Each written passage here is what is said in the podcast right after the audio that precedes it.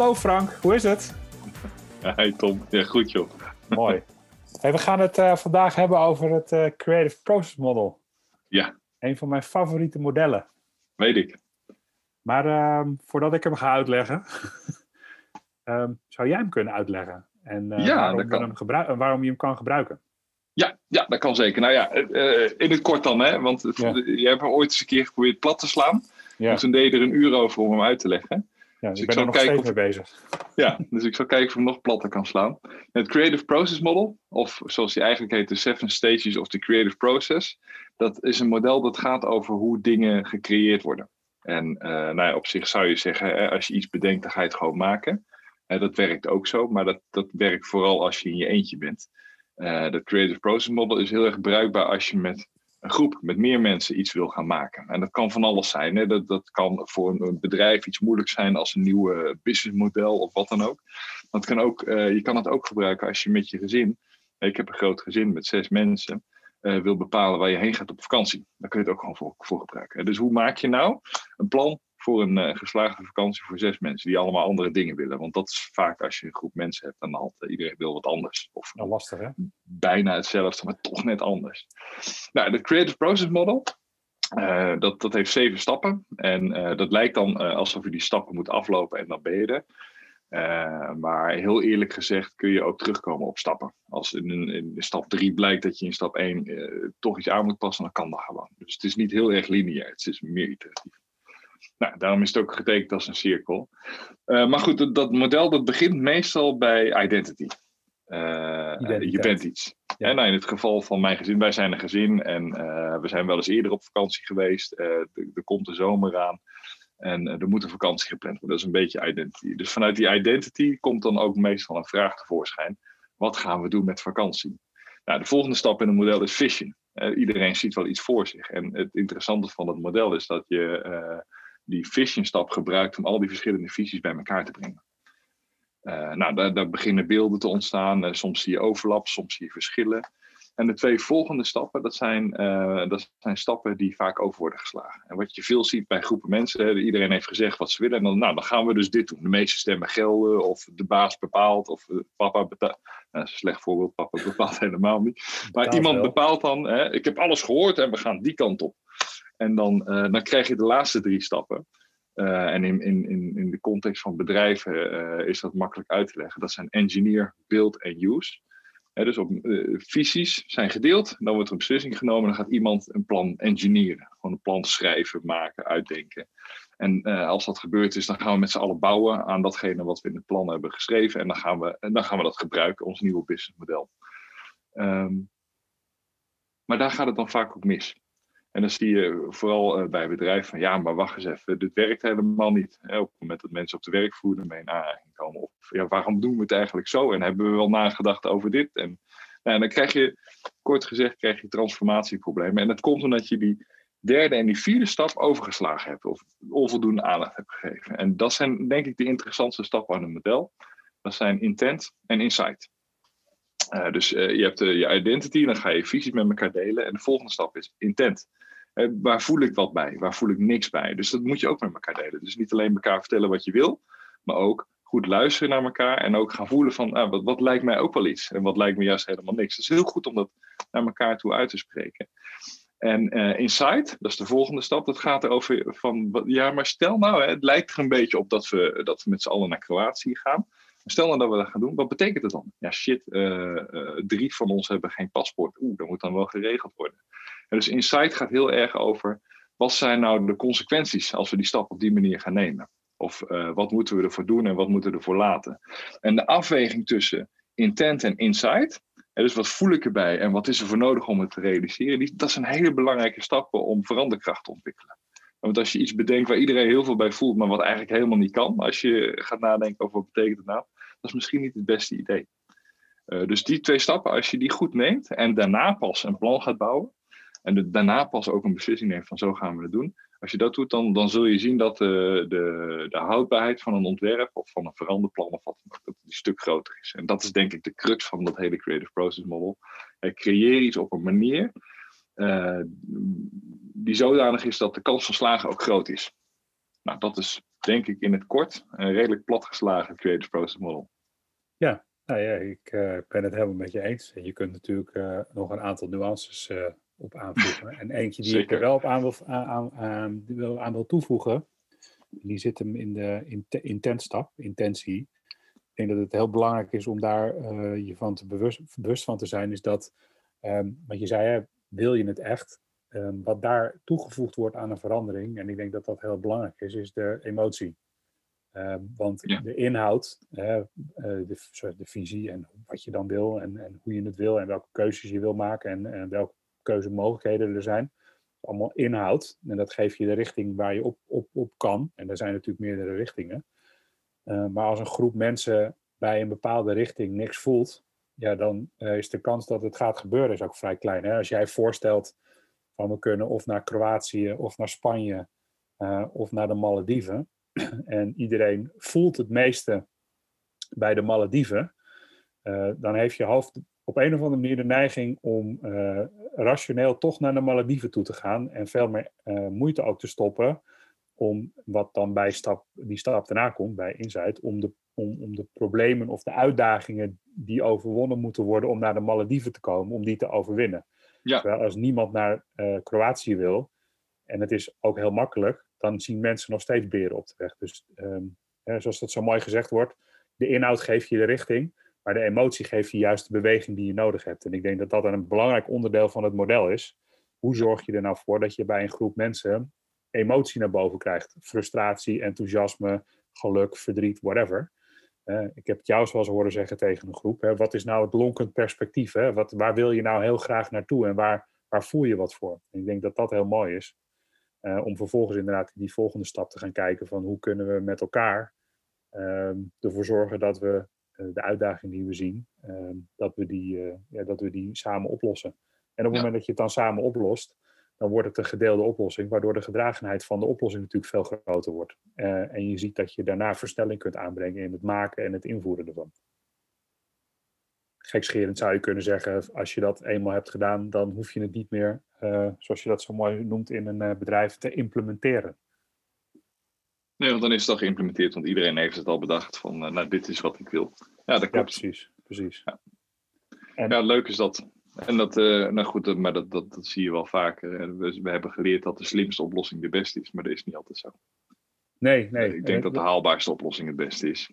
Ja, en misschien nog, nog wel mooier is dat je wat dit model je, uh, wat dit model je, je kan leren. Ik dwing je niet toe, maar wat je kan leren is hoe zorg je er nou voor dat je verschillende uh, meningen, verschillende invalshoeken, verschillende visies ergens op, hoe kun je dat je die naast elkaar legt, inderdaad.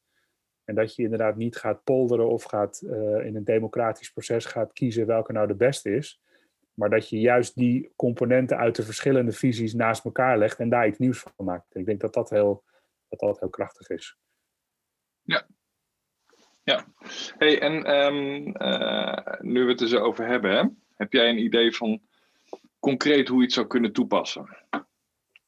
Uh, toepassen in, uh, bij een bedrijf of bij een groep mensen. Want het, het, voorbeeld wat jij natuurlijk net gaf hè, uh, over die vakantie, dat is natuurlijk een hele mooie concrete toepassing. Ja, maar waarom zou iemand die dit luistert, hè, die, die denkt van ja, misschien iemand die, uh, weet ik veel, de basis van een bedrijf, van een afdeling of wat dan ook. Waarom zou, wat zou die ermee kunnen doen? Nou, ik denk dat je ten eerste, als je kijkt, en dat hebben we al in een eerdere podcast hebben we dat natuurlijk besproken, hè, wat is de kracht van een model? En de kracht van een model is dat je in staat stelt om je een aantal vragen te stellen die je, als je het model niet had gebruikt, jezelf niet had gesteld. En wat je net zelf ook al aangaf, hè, um, een, een, um, ik wil het niet een fout noemen, maar datgene wat er vaak gebeurt is, is dat um, de intent en die insight stap, dat die overgeslagen worden. Dus als je kijkt naar een, uh, een concreet voorbeeld, hoe kun je er nou voor zorgen aan de hand van dit model dat je expliciet wel aandacht besteedt um, aan het uh, goed uitleggen wat die visies zijn, zodat mensen daar ook iets bij gaan voelen. Dat betekent dus dat je een bepaalde manier van communiceren en een bepaalde manier van betrekken, betrokkenheid moet creëren bij een groep mensen. Dat, dat, kost, dat kost tijd. Dus uh, dit model geeft aan waarom het belangrijk is om tijd te investeren om dat te doen. En vervolgens moet je ook, denk ik, aan de hand van het model tijd investeren met een bedrijf om ervoor te zorgen uh, dat mensen de kans krijgen als ze er iets van vinden. Want dat vraag je namelijk. Hè, je vraagt, vindt er iets van. Uh, om dat wat ze ervan vinden ook daadwerkelijk te kunnen uh, betrekken, incorporeren in het, in, het, in, het, in het ontwerp wat er gemaakt wordt. Dus op het moment dat jij met elkaar, weet ik veel, een, een nieuwe visie op klanttevredenheid gaat maken en jij, jij geeft die aan de groep mensen die dat moet uitvoeren, dan kun je aan ze vragen van nou, wat vinden jullie ervan? Nou ja, als 30% zegt we vinden het stom, dan moet je er dus voor zorgen dat je erachter komt waarom het stom is. En daar zit een hoop wijsheid in. Hè. Kijk ook bijvoorbeeld naar deep democracy. Hè. Wat is de wijsheid van de minderheid of wat is de wijsheid van de mensen die het er niet mee eens zijn? En hoe zorg je er dan voor dat je het ontwerp of de visie of datgene wat je wil gaan uitwerken aan de hand van die feedback die je krijgt uh, uh, verder uit kunt werken. Zodat je uh, ja, andere invalshoeken in erin meeneemt. Want uh, wat bijvoorbeeld zou kunnen, hè, concreet, is dat op het moment dat je, want dit is, komt eigenlijk ook uit een echt voorbeeld. Uh, het ging ook over klanttevredenheid. Um, en daar zijn ook groepen uh, mensen toen uh, bij elkaar gebracht die daadwerkelijk echt met die klant te maken hadden. Bijvoorbeeld de cashiers in dit geval. Mm. Maar niemand vroeg ooit aan die cashiers, joh, um, hoe zorgen jullie ervoor dat die klant tevreden is? Of hoe zien jullie dat de klant ontevreden is? Hè? Nou, hun mening is nooit gevraagd. En daar kwamen een hele, heel aantal inzichten naar boven over uh, hoe zij door het proces heen moesten gaan en hoeveel tijd ze kregen om daadwerkelijk met die klant bezig te zijn.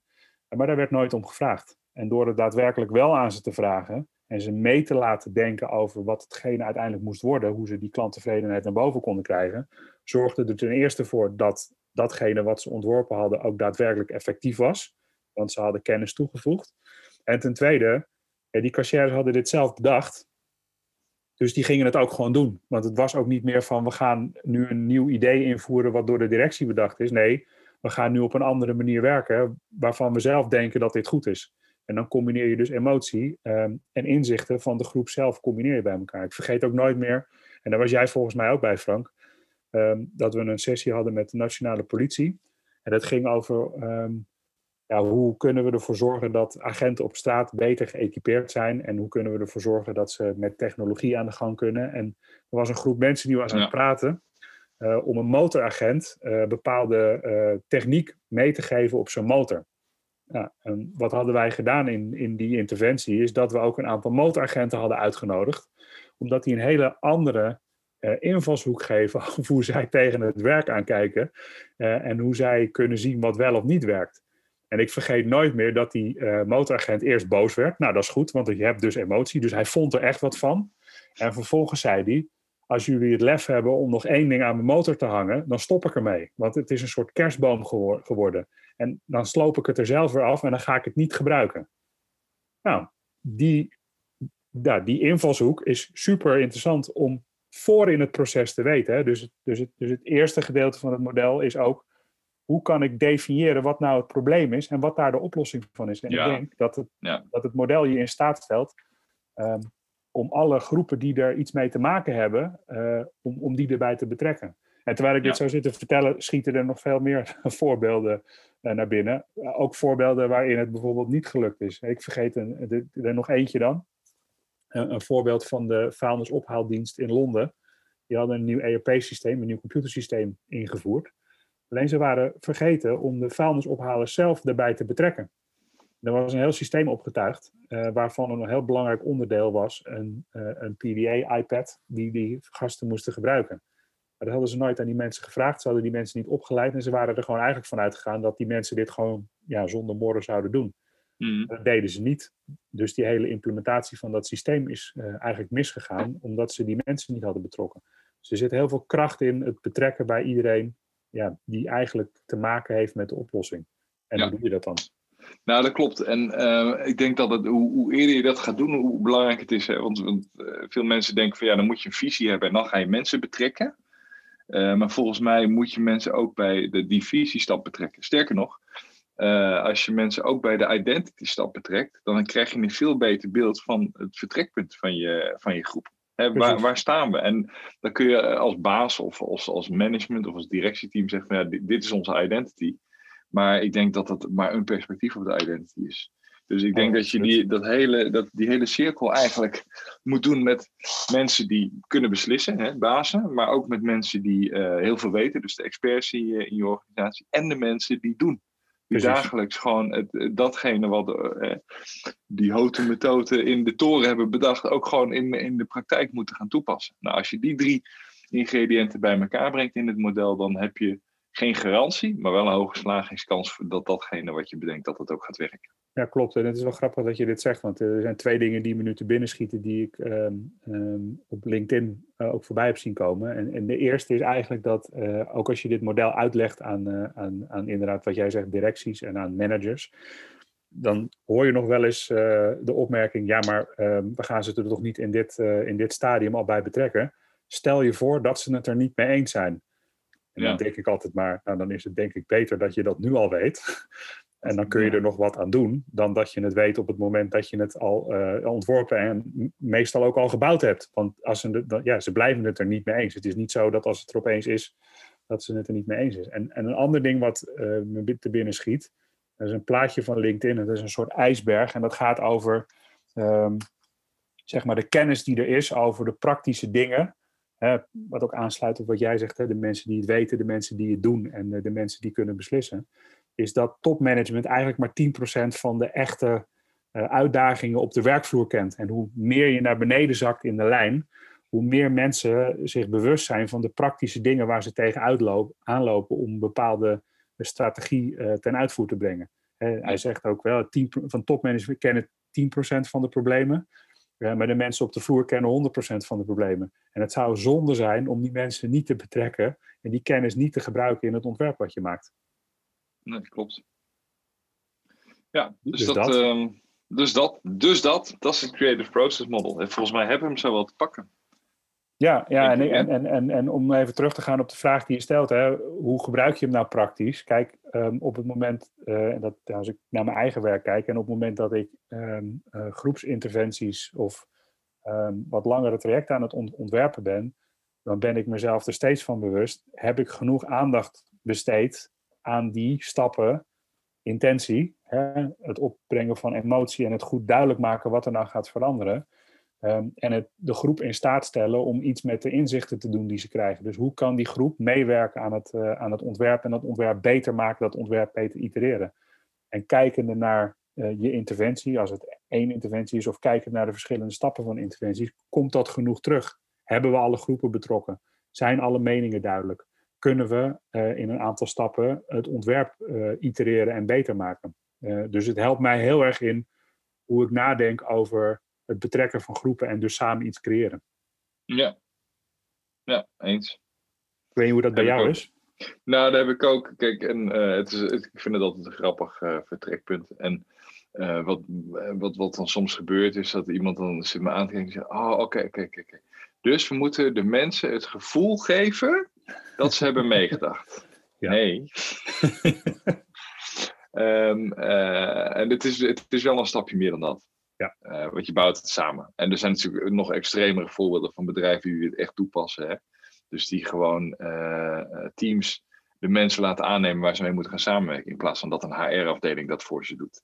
Je, dat zijn hele, denk ik, hele goede voorbeelden waarbij ze niet zelf in de gaten hebben dat, dat daar het Creative Process Model wordt gebruikt. Wat is nou de beste nieuwe collega? Nou, dat kun je van bovenaf of vanuit de HR-afdeling bepalen.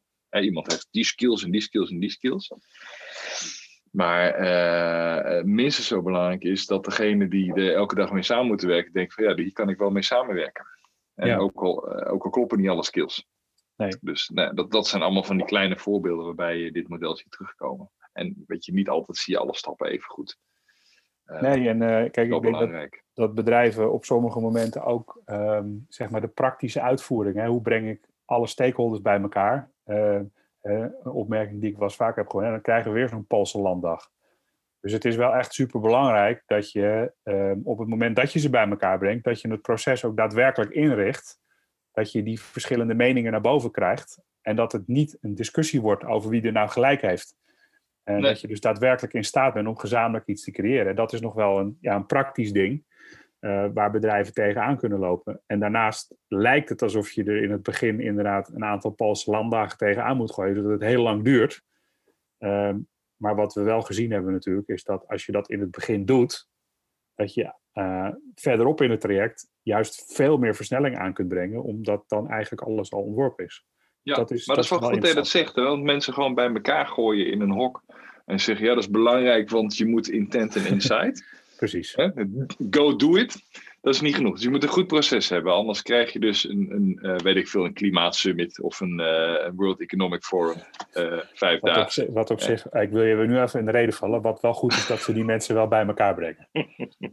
nee, maar even om te chargeren. Daar komt niet per se een ontwerp uit wat daarna ook gewoon gaat gebeuren. Nee, ja, als, je, als je die concreetheid wil, dan moet je er wel een goed proces op zetten. Eens, eens, eens.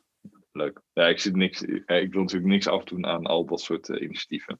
Nee, die zijn ook belangrijk. Nee. Zeker, zeker. En dat is, hè, als je kijkt naar uh, hoe, uh, zo'n is wel een grappig voorbeeld, als je kijkt naar die summit in het grote proces van het Creative Process Model, is dat vooral ook een, een stuk um, uh, identity en een stuk visie creëren. En wat ook moet gebeuren. En ja. wat waarschijnlijk op dat gebied ook gebeurt met de goede mensen. Als je goed nadenkt over welk proces moet je gebruiken met welke mensen en welke inhoud.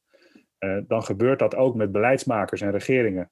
En je kunt zeggen, als je de Amerika niet aan boord hebt bij zo'n klimaatsummit, en die praten niet mee en die ondertekenen de verklaring niet, dan is de kans dat het uiteindelijk uitgevoerd wordt door de grootste economie ter wereld uh, vrij klein.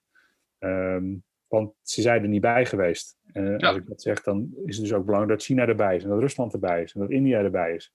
Want als die niet aan tafel hebben gezeten, dan zal het verderop in het proces, zal het alleen maar gaan, meer gaan stagneren in de uitvoering.